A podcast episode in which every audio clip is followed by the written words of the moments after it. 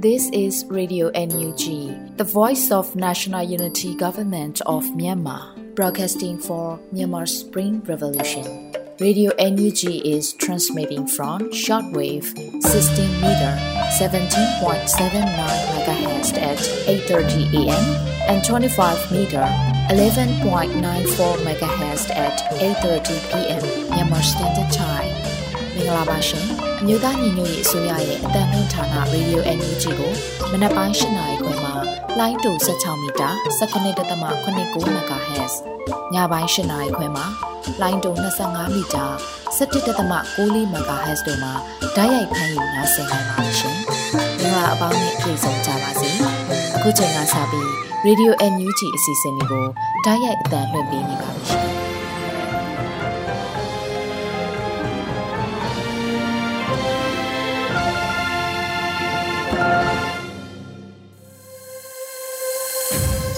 မြန်မာနိုင်ငံသူနိုင်ငံသားအပေါင်းတဘာဝပြီးဆရာနာရှင်ပြည်တို့ကနေကင်းဝေးပြီးကိုစိတ်နှပါဘေးကင်းလုံခြုံကြပါစေလို့ရေဒီယိုအန်ယူဂျီဖွယ်သားများကဆုတောင်းမြတ်တာပို့သလာရပါတယ်ရှင်။အခုချိန်ကစပြီးကာကွယ်ရေးဝန်ကြီးဌာနရဲ့စီးရေးသတင်းချင်းချုပ်ကိုတော့မျိုးဦးမောင်မှဖတ်ကြားတင်ပြပေးပါမယ်ရှင်။ယခုတင်ဆက်ပေးမှာကတော့ကာကွယ်ရေးဝန်ကြီးဌာနအမျိုးသားညီညွတ်ရေးအစိုးရမှထုတ်ဝေသောနိုင်စဉ်စီးရေးသတင်းချင်းချုပ်ပဲဖြစ်ပါတယ်။စီးရေးသတင်းများကိုတင်ဆက်ပေးပါတော့မယ်။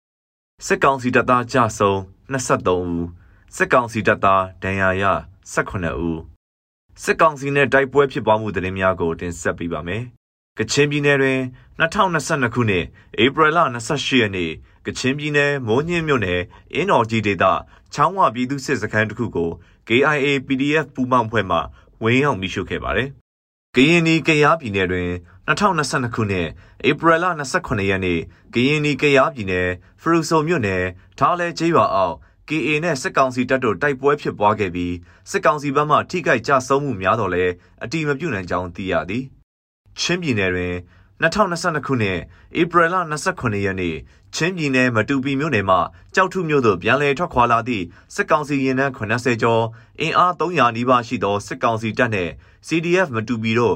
မတူပီမင်းတပ်လန်ရှစ်မိုင်ကွာ၌တိုက်ပွဲဖြစ်ပွားခဲ့ပြီးစစ်ကောင်စီတပ်သား၈ဦးသေဆုံးခဲ့ကအများအပြားဒဏ်ရာရရှိသွားခဲ့ကြောင်းသိရသည်။မွန်ပြည်နယ်တွင်2022ခုနှစ်ဧပြီလ26ရက်နေ့မွန်ပြည်နယ်တထုံမြို့နယ်ဘိန်းနယ်တော်ကျေးရွာရှိစစ်ကောင်စီတပ်စခန်းအားကရင်အမျိုးသားလွတ်မြောက်ရေးတပ်မတော် KNLA တပ်မဟာ1တပ်ရင်းနှင့် PDF တပ်ရင်းနှင့်နှင့်တထုံမြို့နယ်ပြည်သူ့ကာကွယ်ရေးအင်အားစု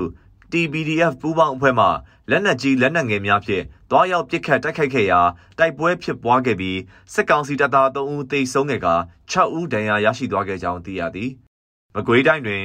2022ခုနှစ်ဧပြီလ28ရက်နေ့မကွေးတိုင်းရေစကြိုမြို့နယ်ရှင်မတောင်ပေါ်သို့မကွေးတိုင်းရေစကြိုမြို့နယ်ရှင်မတောင်ပေါ်သို့အင်အားဖြည့်ရန်လာသည့်စစ်ကောင်စီကတစည်းအားမိုင်းဆွဲတိုက်ခိုက်ခဲ့ရာ ကားမှာပျက်စီးသွားခဲ့ပြီးစစ်ကောင်စီတပ်သားတအူးသေဆုံးခဲ့၍အများအပြားဒဏ်ရာရရှိသွားကြောင်းနဲ့စစ်ကောင်စီဘက်မှရန်တပ်ပစ်ခတ်တော်လဲပြည်သူ့ကာကွယ်ရေးရဲဘော်များအထိအခိုက်မရှိခဲ့ကြောင်းသိရသည်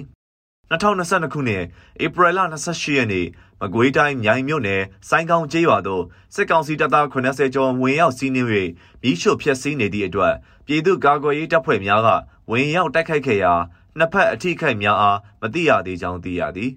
2022ခုနှစ်ဧပြီလ29ရက်နေ့မကွေးတိုင်းဂံကောမြို့နယ်ပုံတော်ပုံညာတွင်စခန်းချနေသည့်စစ်ကောင်စီတပ်သား၈ဦးအားချောင်းတစ်ခုအနီး၌ရောဒေသပြည်သူ့ကာကွယ်ရေးတပ်မှတိုက်ခိုက်ခဲ့ရာစစ်ကောင်စီဘက်မှ6ဦးသေဆုံးပြီး2ဦးထွက်ပြေးသွားကြောင်းသိရသည်2022ခုနှစ်ဧပြီလ29ရက်နေ့မကွေးတိုင်းပခုတ်ကူမြို့နယ်ပခုတ်ကူမြို့နယ်မြိုင်မြို့ကိုဆက်သွယ်ထားသည့်ကားလမ်းပေါ်၌တွာလာနေသည့်စစ်ကောင်စီတပ်ဖွဲ့ကိုပခုတ်ကူမြို့ပြပျောက်ကြားတပ်ဖွဲ့ PUGF မှဗဒေသာမိုင်း၁၀လုံးဖြင့်ဖောက်ခွဲတိုက်ခိုက်ခဲ့ရာစစ်ကောင်စီကတစည်းပျက်စီး၍စစ်ကောင်စီတပ်သား9ဦးထပ်မံတေဆုံးခဲ့ကြောင်းသိရသည်စစ်ကောင်စီ၏အကြမ်းဖက်မှုများကိုတင်ဆက်ပေးပါမယ်ချင်းပြည်နယ်တွင်2022ခုနှစ်ဧပြီလ29ရက်နေ့ချင်းပြည်နယ်တီးတိမ်မြို့နယ်တီးတိမ်မြို့မြို့မရက်ကွက်နဲ့လွယ်ပွားရက်ကွက်၌တနက်ပြစ်ခတ်တံများကြားရပြီးနောက်ကိုခိုင်လျံမွန်အသက်18နှစ်သည်ကြည်ထိမှန်တေဆုံးခဲ့ကြောင်းသိရသည် ပဲခူးတိုင်းတွင်2022ခုနှစ်ဧပြီလ28ရက်နေ့ပဲခူးတိုင်းအနောက်ချမ်းပြည်မြို့နယ်ပြည်မြို့ဗိုလ်ချုပ်ကြောက်ရုပ်အနီးညောင်စေးတန်းရှိဆိုင်ကမ်းများကိုစစ်ကောင်စီတပ်သားများစစ်ကောင်စီလက်အောက်ခံရဲများကလုံခြုံရေးအင်အားသုံး၍နှစ်ဖက်လမ်းများကိုပိတ်ဆို့ကာဆက်ရဲနေရများဖြင့်ဖြိုးဖျက်နေကြောင်းသိရသည်။မကွေးတိုင်းတွင်2022ခုနှစ်ဧပြီလ28ရက်နေ့မကွေးတိုင်းပေါ့မြို့နယ်တစ်ညီနောင်ကျေးရွာကိုစစ်ကောင်စီတပ်သားများတပ်ကုန်းပြူစောတီ ပြည်တော်ပြူစောတီနဲ့ကိုင်းလေရဲစခန်းမှစစ်ကောင်စီလက်အောက်ခံရဲများစုစုပေါင်းအင်အား90ခန့်ပြည့်ဝင်ရောက်ခဲ့ကပြည်သူများရဲ့နေအိမ်များကိုမီးရှို့ဖျက်ဆီးခဲ့ကြောင်းသိရသည်2022ခုနှစ်ဧပြီလ29ရက်နေ့မကွေးတိုင်းရေစကြိုမြို့နယ်ကျွန်းဖိုပင်ဘက်မှစစ်ကောင်စီတပ်များသည်ချင်းတွင်းမြစ်အရှိတ်မြောင်နယ်ဘက်ရှိရွှေတချောင်းနွင်းကိုင်းဘက်သို့လက်နက်ကြီးလက်နက်ငယ်များဖြင့်ပစ်ခတ်ခဲ့ကြောင်းသိရသည်မန္တလေးတိုင်းတွင် 2022ခုနှစ်ဧပြီလ29ရက်နေ့မန္တလေးတိုင်းအောင်မြေသာဆန်မြို့နယ်ရှိတရားရုံးမှမန္တလေးတိုင်းဝန်ကြီးချုပ်ဒေါက်တာဇော်မြင့်မောင်၏ရှေ့နေဖြစ်သူဒေါ်ရွတ်နူအောင်အားစက်ကောင်စီများကတရားရုံးမှအပြန်၎င်းနှင့်အတူရှေ့နေအမျိုးသမီးတဦးကိုပါဖမ်းဆီးသွားခဲ့ကြောင်းသိရသည် 2022ခုနှစ်ဧပြီလ28ရက်နေ့မန္တလေးတိုင်းတောင်သာမြို့နယ်ရုံတော်ကျေးရွာသို့စစ်ကောင်စီကားနှစ်စီးအရက်ဝတ်များဖြင့်ရောက်လာခဲ့ပြီး CDN ဆရာဆရာမများအားစည်ရင်ဖြင့်လာရောက်ဖမ်းဆီးရာမမိသဖြင့်ကျေးရွာမှပြည်သူ9ဦးအားဖမ်းဆီးသွားခဲ့ကြောင်းသိရသည်။ ရှမ်းပြည်နယ်တွင်2022ခုနှစ်ဧပြီလ28ရက်နေ့ရှမ်းပြည်နယ်တောင်ပိုင်းဟိုပုံးမြို့နယ်တွင်စစ်ကောင်စီ၏ရှမ်းပြည်ဝန်ကြီးချုပ်နှင့်လူမှုဝန်ကြီးချုပ်လာချိန်တွင်တီရီမင်္ဂလာလမ်း၌နေထိုင်သည့်ပြည်သူများကထိုနေရာအနီးတစ်ဝိုက်အားမဖြစ်မနေတွားရောက်၍အမိုက်ကောက်မျက်နှုတ်တန်ရှင်းရေးတွားလို့ပြခဲ့ရကြောင်းသိရသည် ရန်ကုန်တိုင်းတွင်2022ခုနှစ်ဧပြီလ29ရက်နေ့ရန်ကုန်တိုင်းတင်ငန်းကျွန်းမြို့နယ်နှင်းစီနီလန်းနေရုပ်ရှင်တရုတ်ဆောင်ခိုင်နှင်းကြီးနေအိမ်ကိုစစ်ကောင်စီများကအဲစင်းစစ်တီပုံစံမျိုးဖြင့်ဝင်ရောက်ခဲ့ပြီး၎င်းအမျိုးသားဖြစ်သူဦးခန့်နိုင်ကိုဖမ်းဆီးသွားခဲ့သည် ရခိုင်ပြည်နယ်တွင်2022ခုနှစ်ဧပြီလ26ရက်နေ့ရခိုင်ပြည်နယ်တန်တွဲမြို့နယ်ကြောက်ကလပ်အုပ်စုဂျိုင်းသာကျေးရွာရှိနေအိမ်များကို15ရက်အတွင်းမပြောင်းရွှေ့ပါကအင်အားသုံးဖြိုးဖျက်ခံရမည်ဟုစစ်ကောင်စီတပ်မှလာရောက်ဖိအားပေးခဲ့ပြီး လက်ရှိဂျိုင်းသာကျေးရွာသည်1986ခုနှစ်မှစ၍မြေနေရာများအားရှင်းလင်းပြီးကျေးရွာသားများနေထိုင်ခဲ့ခြင်းဖြစ်ကြောင်းနှင့်1996ခုနှစ်အရောက်တွင်ရေတပ်ပိုင်မြေအဖြစ်သတ်မှတ်ခံရကကျေးရွာအတွင်းနေထိုင်သူများမှလည်းတအိမ်လင်ငွေကျပ်900စီဖြင့်တစ်နှစ်တာအခွန်ဆောင်၍နေထိုင်ခဲ့ကြရကြောင်းသိရသည်2022ခုနှစ်ဧပြီလ28ရက်နေ့ရခိုင်ပြည်နယ်ပုံနှံကျွန်းမြို့နယ်တွင် AA နှင့်ဆက်ဆက်တန်တရားဖြင့်အကြမ်းဖက်မှုပုံမှန်များနှင့်တရားရင်ဆိုင်နေရသည့်ကြောက်စိတ်ကြေးရွာမှကိုညီညီအောင်24နှစ်ကိုမျိုးလင်းဦး24နှစ်ကိုမောင်ချင်း24နှစ်ကိုမင်းစိုး38နှစ်နှင့်ကိုကျော်ဝင်းဟိန်22နှစ်တို့ကိုဧပြီလ19ရက်နေ့တွင်စစ်ကောင်စီတပ်မှဖမ်းဆီးခဲ့ပြီးနှစ်နှစ်ကျော်ကြာလာသည့်အထိအမှုကိုအမိန့်မချဘဲစစ်တွေခရိုင်တရားရုံး၌အမိန့်ချရန်အကြိမ်ကြိမ်ရုံးထုတ်ခဲ့တော်လဲ အမိန့်မချဘဲရုံးချိန်မကြာခဏချိန်နေမှုအပေါ်ဥပဒေဘောင်တွင်ပြန်ပေးဆွဲခြင်းဟုမိသားစုများနဲ့၎င်းတို့အမှုကိုလိုက်ပါဆောင်ရွက်နေသူများကပြောဆိုနေကြောင်းသိရသည်အေယာဝတီတိုင်းတွင်2022ခုနှစ်ဧပြီလ29ရက်နေ့အေယာဝတီတိုင်းညောင်တုံးမြို့နယ်မြမစီးပွားရေးဗန်မှဒဝန်ထမ်းများသည်ငွေအနှံထားသည့်ပြည်သူများပင်စင်လစာငွေလာရောက်ထွက်ယူသည့်ပင်စင်ဝန်ထမ်းများစီကခေါင်းစဉ်မဲ့အလူငွေကောက်ခံမှုများလှုပ်ဆောင်နေကြောင်းသိရသည် မြေပြင်သတင်းတောင်ဝန်ခံများနဲ့သတင်းဌာနများမှဖော်ပြလာသောအချက်အလက်များအပေါ်အခြေခံပြုစုထားသည်ကျွန်တော်ကတော့ຫນွေဦးမောင်ပါခင်ဗျာ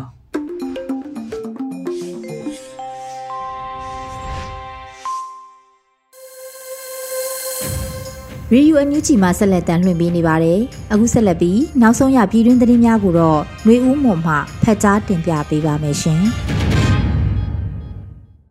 မင်္ဂလာပါရှင်။နောက်ဆုံးရသတင်းများကိုတင်ဆက်ပေးသွားမှာပဲဖြစ်ပါတယ်။ခုတင်ဆက်မဲ့သတင်းတွေကိုတော့ Radio NUG သတင်းတာဝန်ခံတွေနဲ့ခိုင်လုံတဲ့မိဘသတင်းရင်းမြစ်တွေကအခြေခံတင်ပြထားတာဖြစ်ပါတယ်။ကျွန်မຫນွေဦးမွန်ပါ။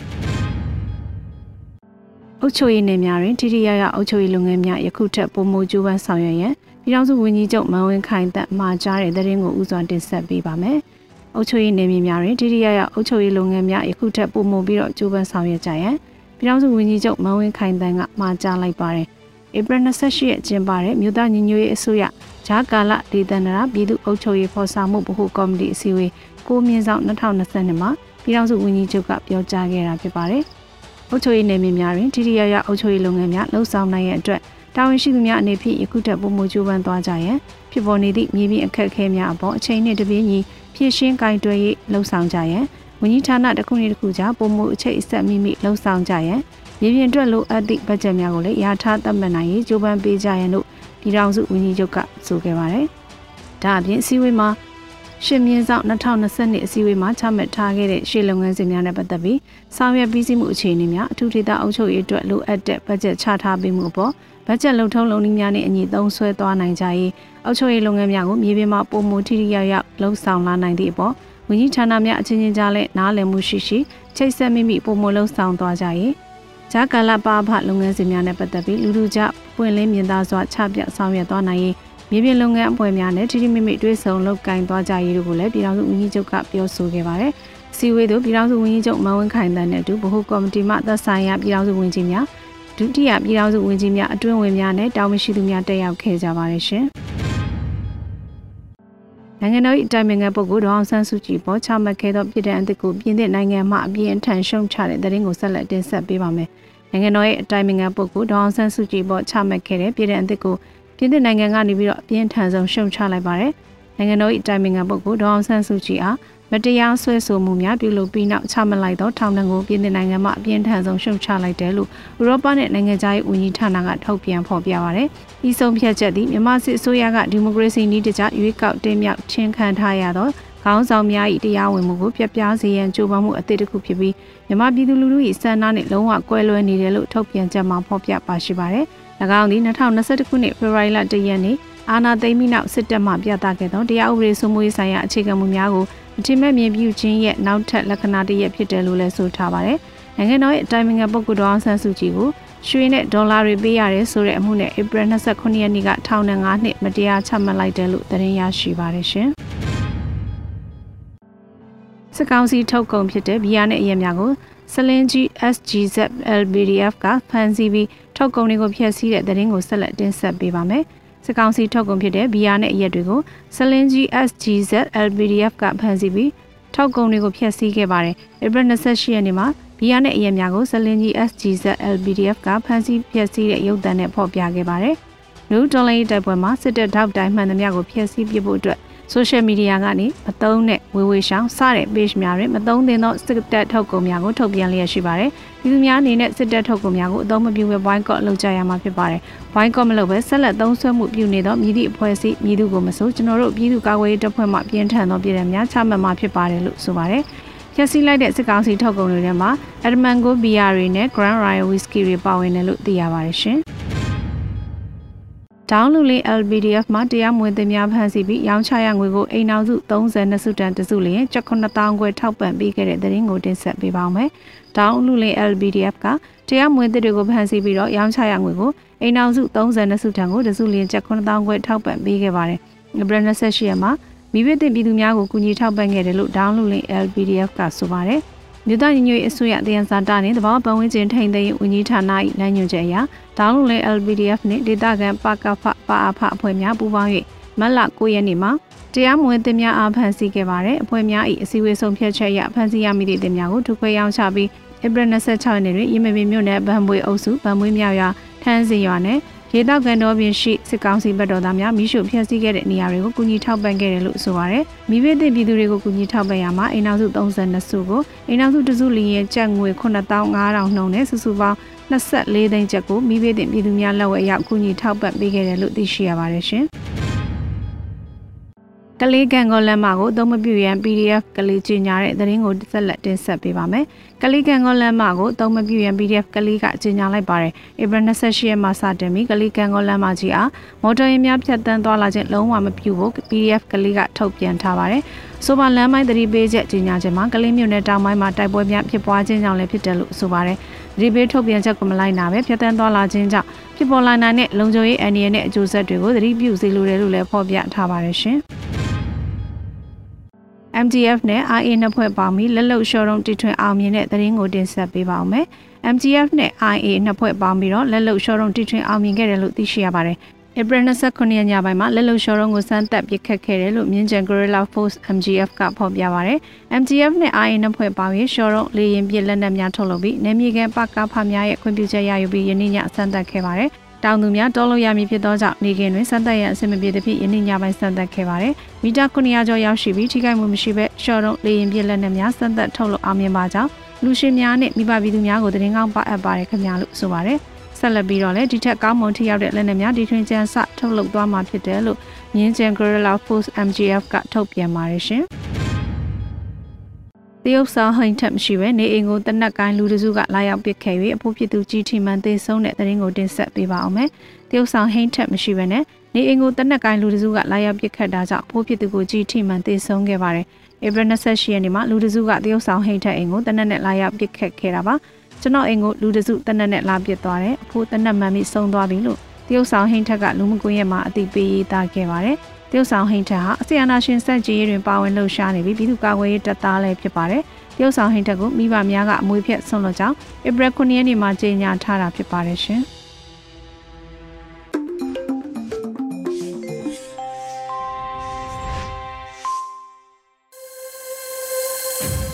အခုဆက်လက်ပြီးနားဆင်ကြရမှာကတော့ပြည်သူခုခံတော်လှန်စစ်တရင်များဖြစ်ပါတယ်။နှွေဦးလင်းအိမ်မှဖက်ကြားတင်ပြပေးပါမယ်ရှင်။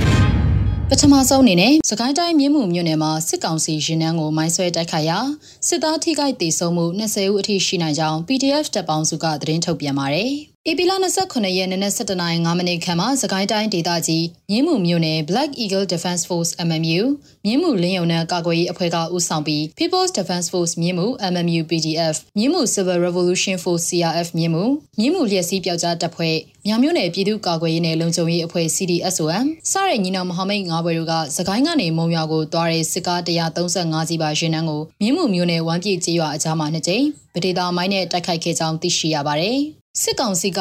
135စီးပါရင်နှန်းကိုပထမအကြိမ်ပဒေသာမိုင်း၃လုံးနဲ့တိုက်ခိုက်ရာ6စီးမြောက်ကားမှာလုံးဝပျက်စီးသွားခဲ့ပြီးအဲ့ဒီကားပေါ်ကစစ်သားတွေကမနာတမ်းပြန်လည်ပစ်ခတ်ကြောင်းဒုတိယအကြိမ်မိုင်း၃လုံးနဲ့အဆိုပါစစ်ကားကိုထပ်မံတိုက်ခိုက်ရာပစ်ခတ်တံများရက်သွားပြီးရင်းကားပေါ်မှာစစ်ကောင်စီတပ်သား20ခန့်တေဆုံးနိုင်ပြီးစီးရုံရောက်သူများလည်းရှိနိုင်ကြောင်းထုတ်ပြန်ထားပါတယ်။ ဆက်လက်ပြီးစကိုင်းတိုင်းကလေးမြို့နယ်မှာ AP လ29ရက်နေ့ကတိုက်ပွဲဖြစ်ပွားပြီးစစ်ကောင်စီတပ်သား18ဦးသေဆုံးကလက်နက်3လက်နဲ့ခဲယမ်းများတင်ဆက်ရမိပြီးစစ်ကောင်စီတပ်သားများခွေးပြေးဝက်ပြေးထွက်ပြေးကြကြောင်း PDF ကလေးကသတင်းထုတ်ပြန်ပါတယ်။ AP လ29ရက်နေ့နနက်ပိုင်းကအကြမ်းဖက်စစ်ကောင်စီတပ်ဖွဲ့တွေဟာအင်အားတရာခန့်နဲ့ကလေးမြို့နယ်တောင်ပိုင်းအရှိစည်းရွာဘက်ကိုစစ်ကြောင်းထိုးလာခဲ့ရာနနက်၈နာရီခွဲခန့်မှာအရှိစည်းရွာရဲ့မြောက်ဘက်မှာ PDF ကလေး CDF KKG RKDF နဲ့ပကဖပူပေါင်းတပ်ဖွဲ့တွေနဲ့တိုက်ပွဲဖြစ်ကြောင်းယမန်နေ့ည9နာရီအချိန်ခန့်အထိတိုက်ပွဲဆက်လက်ပြင်းထန်လျက်ရှိကြောင်းသိရှိရတာပါ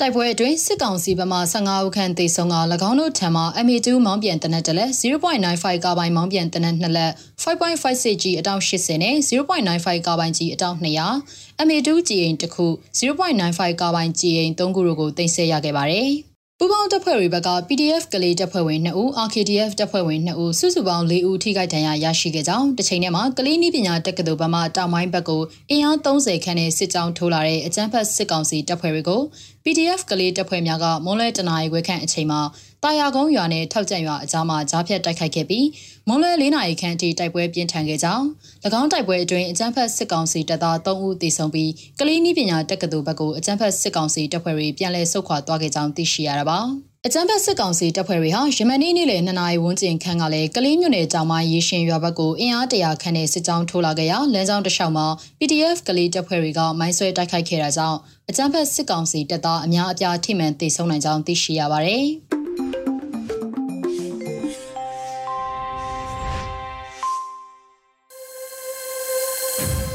ရေဒီယို NUG ရဲ့မနက်ခင်းစီစဉ်တွေကိုဆက်လက်တင်ပြနေပါတယ်။အခုတစ်ခါ PPTV ရဲ့နေ့စဉ်သတင်းများကိုတော့မျိုးတော်တာမှဖတ်ကြားတင်ပြပေးပါမယ်ရှင်။ ပထမဆုံးတင်ဆက်ပေးမှာကတော့အမျိုးသားညွရေးအစိုးရပြည်ထောင်စုဝန်ကြီးတွေပါဝင်တဲ့ World Intellectual Property Day နေ့အထိမ်းအမှတ်ကိုပြုလုပ်ခဲ့တဲ့ဆိုတဲ့သတင်းမှာ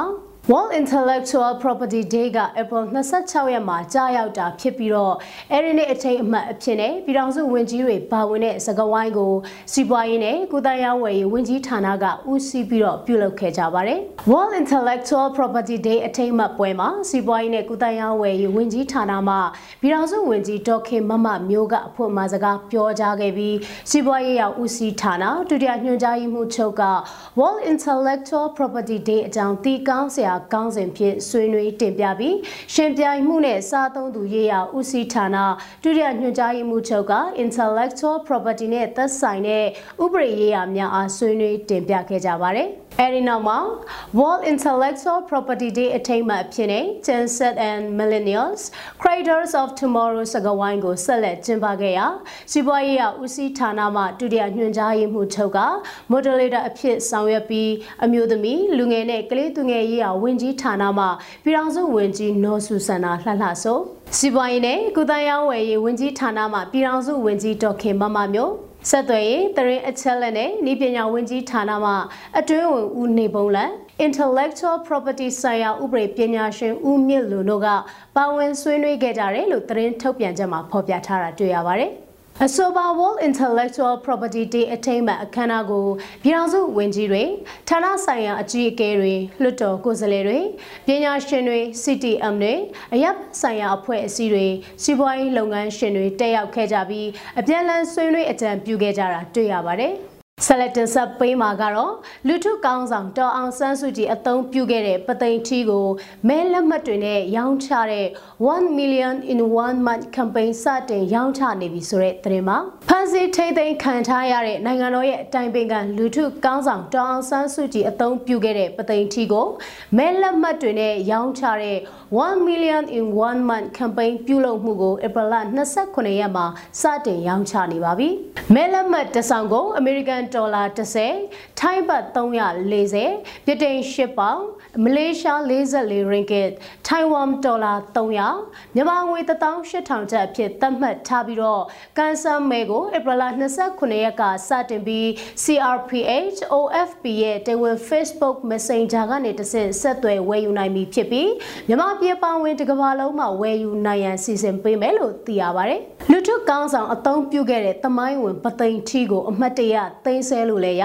ဒေါ်လာရေးအတွက်အလှူငွေလဲထည့်ဝင်ပြီးသားဖြစ်တဲ့1 million in 1 month campaign မှာပါဝင်ကြဖို့အတွက်လဲနာမည်ကျော်ဒေါ်လာရေးအမှုပညာရှင်တွေကတိုက်တွန်းထားတာတွေ့ရပါတယ်။ လူထုကောင်းဆောင်တော်အောင်ဆန်းစုကြည်ကို မတရားတဲ့ထောင်ဒဏ်ချမှတ်တာကတရားဥပဒေကို ဖြိုဖျက်တဲ့နောက်ထပ်ခြေလှမ်းလို့ EU ကပြစ်တင်ရှုံချလိုက်တဲ့သတင်းမှာအမျိုးသားညွရေးအစိုးရနိုင်ငံတော်ရဲ့အတိုင်ပင်ခံပုဂ္ဂိုလ်လူထုကောင်းဆောင်တော်အောင်ဆန်းစုကြည်ကိုအကြမ်းဖက်စစ်ကောင်စီကမတရားတဲ့ထောင်ဒဏ်ချမှတ်လိုက်တာကအကြမ်းဖက်စစ်ကောင်စီရဲ့တရားဥပဒေကိုဖြိုဖျက်တဲ့နောက်ထပ်ခြေလှမ်းတစ်ခုဖြစ်တယ်လို့ဥရောပသမဂ္ဂ EU ကပြစ်တင်ရှုံချလိုက်ပါတယ်ထုတ်ပြန်ချက်ထဲမှာတော့နိုင်ငံတော်ကိုတရားမဝင်အာဏာသိမ်းထားတဲ့အကြမ်းဖက်စစ်ကောင်စီကပြည်သူတွေရွေးကောက်ထားတဲ့နိုင်ငံကောင်းဆောင်တဦးကိုအခုလိုမတရားတဲ့ထောင်ဒဏ်ချမှတ်တာဟာတရားဥပဒေစိုးမိုးရေးကိုဖြိုဖျက်နေတဲ့နောက်ထပ်ခြေလှမ်းတစ်ခုဖြစ်ပြီးတော့လူ့အခွင့်အရေးကိုပြောင်ကျကျနဲ့ချိုးဖောက်နေမှုဖြစ်တယ်လို့ဆိုထားပါတယ်။ ထုတ်ပြန်ချက်ထဲမှာအကြံဖတ်စစ်ကောင်စီအနေနဲ့အာဆီယံနဲ့သဘောတူညီထားတဲ့ပုံသဘောတူညီချက်၅ချက်ကိုလက်မခံဘဲအလုံးပါဝင်တဲ့ဆွေးနွေးမှုဆိုတာကိုမလုံနိုင်ဘူးဆိုတာတရားဝင်ထုတ်ဖော်ပြသလိုက်တဲ့သဘောမျိုးလို့ဆိုပါတယ်။ EU အနေနဲ့ကတော့အာဏာသိမ်းယူထားတဲ့အချိန်ကစလို့ဖမ်းဆီးထားတဲ့လူပုဂ္ဂိုလ်တွေအားလုံးကိုချွန်းချက်မရှိဘဲပြန်လွှတ်ပေးဖို့တစိုက်မမတ်တောင်းဆိုမယ်လို့ဆိုပါတယ်။ အကြံဖက်စစ်ကောင်စီရဲ့တရားစီရင်ရေးကရွေးကောက်ခံကောင်းဆောင်တွေကိုဖယ်ရှားရေးအတွက်လှုပ်ဆောင်နေတဲ့လှုပ်ဆောင်ချက်တွေသာဖြစ်တယ်လို့လည်းထောက်ပြထားတာတွေ့ရပါတယ်။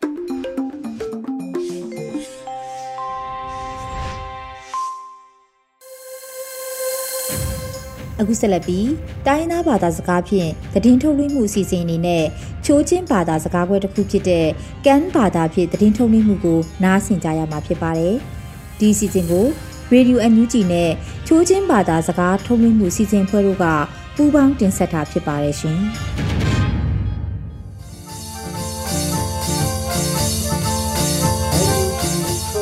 เรดิโอนำงายาคงเอน้อยไปเกยนาปุยปอสักครั้งตูน้ำบันน้ำไรใบโอตีละอลัมมาจึกละนำกดกันตูกูคือเกยค่าทุทางการแทนเวยกุยเคอซาละก็คืออลัมมาจึกอ้อยทางกุมทองที่กุมทองกุมนี่เอพริลทองเทรีหืบคอนเนกลุงปาลีมินิททุ่มกิบออนปาเรตเปตามิงตัดออนบาตุเออันนาลักเมืองก็กิบออนเมืองก็กิบอปูเมอันนาลักา CTF มาตุปีออนรายกับเทตูอัมกะครูนาการายกับกับเทปาเรชิเอ็นปารีอนุยละแลมกตีละยากลอมกือรายกับเทตวยอมอโตกาตุคาครั้งปรังอิปุกตีลามาตุปีเบทเลียนวานินมินดัสซีทีเอฟทูคราปงเอลาทูตึกกตีเรอมองยากลอมกืออนอมยอกตายสิธานาชุกเกกายมุงยววางลำลารายกับเทตวยอมอโตกาครีกิบละเดิมปึงมิงตัดออนประตูวางลาอนาหันติลาวุกตีลายากชีบายละอมกืออปันหิออยทางกุมทองหิกุมทองกุมเอิดเอพริล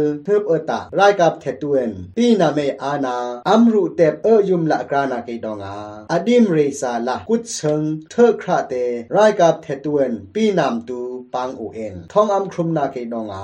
ลีลาอ่อนกานาไปกุมเอิดจึปึงละกระกือตุกอานาคุยาอัมลูเปอุปึงอ่อนแลมบายอุปึงเอฮัมลามิกพรีอบอมวยลาเยนาเคพีอเดิมอดาอมกือรายกับเทตูอัมมุกเนทุนกะไออมองคาวะโคอ่อนเลเดกฟานอวานาทึ่งเอ็นยามกือฮัตุมุยเอขดแดงนากัมออตะพีรายกับเทตูอัมมิดนาชิลากัมตูอาเต Dila, EAU's and Public Communication Officer Tang Ken the Bu. CTF Mindat Lila Ko Kum Ut Achup Na Li Um Na Kha Pinam Rai Kap Tu Am Che Son Na An Lek Cha La An Loi Mai Na Ka Om Na Ke Dong A April Thong Ke Lin He Pa Am Hun Pan Ni A Bi La Om Ku อปทุมออยทางมินองแทงเอแรมนากะตบแม่อุปึงงอยละเล่ยพุยอวยตกตาเลนพงสะข้องแอนติลีลากดอุปึง grang om EAO stu on rem nak BA shula min ong thangen April thong kheng hi ngư pa MTV a to ku kum thong hi khe at kuma u ting singe atu nei rap re na kha kum thong hi kum thong kum at shila a phroi dang kha rai kap the tuwe shin tha mok la prakriti la lila kon upunge grang omei avai satuan to ku NCAT ခအစိုးရ on grang om tu ngum ngoi na ke ทุกคนละกระเอ็นรายกับเทตุเอมามองละพีเอกระกือ อัมมามองละเอกระปุงเอแรมนักอัมบีคารูเตบครูละกระเอ็นแรมนากาตบแม่อุปงตูคางอยละเล่ยพุยอวยนิตีละตอกทาเลนหงสะข้องเอ็นตะกืออปาลีออยทังสกายไดกะเลมิวข้อละเอบริลทองเครีหืบตุกอานาการายกับเททองออนปาเรชเอ็นลิไทยปทุมออนจิรุปอเดิมอดาปีนำรายกับตวนโลเปอุเอ็นรายกับเทตูอัมฮูละทัดใบอุกตีละยากลอมกือအခါစောကကရုဏာက PTF ကလေးပန်ဟီအွန်နာ RKTF ပန်ဟီအဒွန်လာပီနမ်ရိုက်ကပလီလမ်ကတီလာ PTF ကလေးန်တကခနကလုံပန်ဟီအရိုက်ကပ်သေးဖရာကလေးမျိုးအေအရှိဘန်လာစစ်ချောင်းထူလောက်ပုန်တူ PTF ကလေးတွန်ပုန်ယမ်အွန်အမ်နကနာကေဒေါငါရိုက်ကပ်သေးတူ อเดิมอดาเฮชิวเอ็นแลมบายอุกตีละยากลอมกืออันทุกคึงออยทังลีเดฟานาอถึงเชยละอมปุงเอเนโตไรายกาปุยออนรัมบาวลิกิเป็นยูเครนรัมกากรูนาเกจิรุปปลาลิไทยซัมเปิกบอเมละเงืมง่อยนาตาอุกือ อาคาโซอยกลุ่มเบิมนาการัมเปิงเปิงเอรัมอุกตูออนรายกาบางเออาวายจะตูพีทูมุกือยูเครนนำบอมละกราเลเด็กเมละเดยนิตีละรูชาเอนอากึงกังเฮเตกลุ่มเบิมนาคารูชายอังไงมือกรึงละเอกราเอนจิรุปลาลิไทยซัมเปิกเปงแรงออนบอมชีเอละงืมง่อยชีอุกืออาโชกานาเกซัมเปิกเมตูวันยองกานาซัมเปิกเมตู ကာကရုဏာကေဝါညောင်းအွန်နာကာကရုဏာကေမောတောကာတူအနုခိုင်လာအမ်ပရာငေလိထိုင်စမ်ပုတ်မေတူအွန်ယူကရိန်းဘောမေလာငုံငွိုက်ပူယူကူ อเมริกันออนติติงโคเชยตวนพียูเครนกัมบอเมติอุกือรูชาคาอนุยไปละกรุงโกรเวละกราเองนิวเคลียร์อัมพังละกราฮัตุมุยละทุนกะใบตีตูพีตึกตาอุกือโซยเงิมง่อยนาคายูเครนตุกอานาเกคุยจิมาอตุงปีละระโลเอตีละพีมัดละอมกือ NUG Crow กัง Radio นำงายาปงเอน้อยไปเกยนาปุยบอสักครั้งอวันไรชุมชุม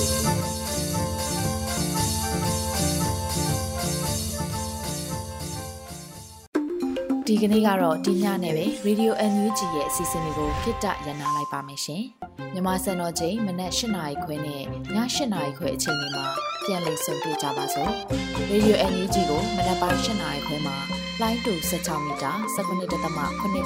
MHz ညပိုင်း၈နာရီခွဲမှာလိုင်းတူ25မီတာ 17.94 MHz တို့မှာဓာတ်ရိုက်ဖမ်းလို့နိုင်စေနိုင်ပါပြီ။မြန်မာနိုင်ငံသူနိုင်ငံသားတွေကိုစိတ်နှပြကျန်းမာချမ်းသာလို့ဘေးကင်းလုံခြုံကြပါစေလို့ Radio NUG အဖွဲ့သူဖေသားတွေကဆုတောင်းမြတ်တာပို့တာရပါတယ်ရှင်။မြေသားညီမတွေအစိုးရရဲ့စက်တော်ရင်သတင်းအချက်အလက်တွေလုပ်ပညာဝန်ကြီးဌာနကထုတ်လွှင့်နေတဲ့ Radio NUG ဖြစ်ပါတယ်။ San Francisco Bay Area အခြေစိုက်မြန်မာမိသားစုတွေနဲ့နိုင်ငံတကာကစေတနာရှင်တို့အားပေးနေတဲ့ Radio NUG ဖြစ်ပါတယ်။အ ရေးတော်ပုံအောင်ရမည်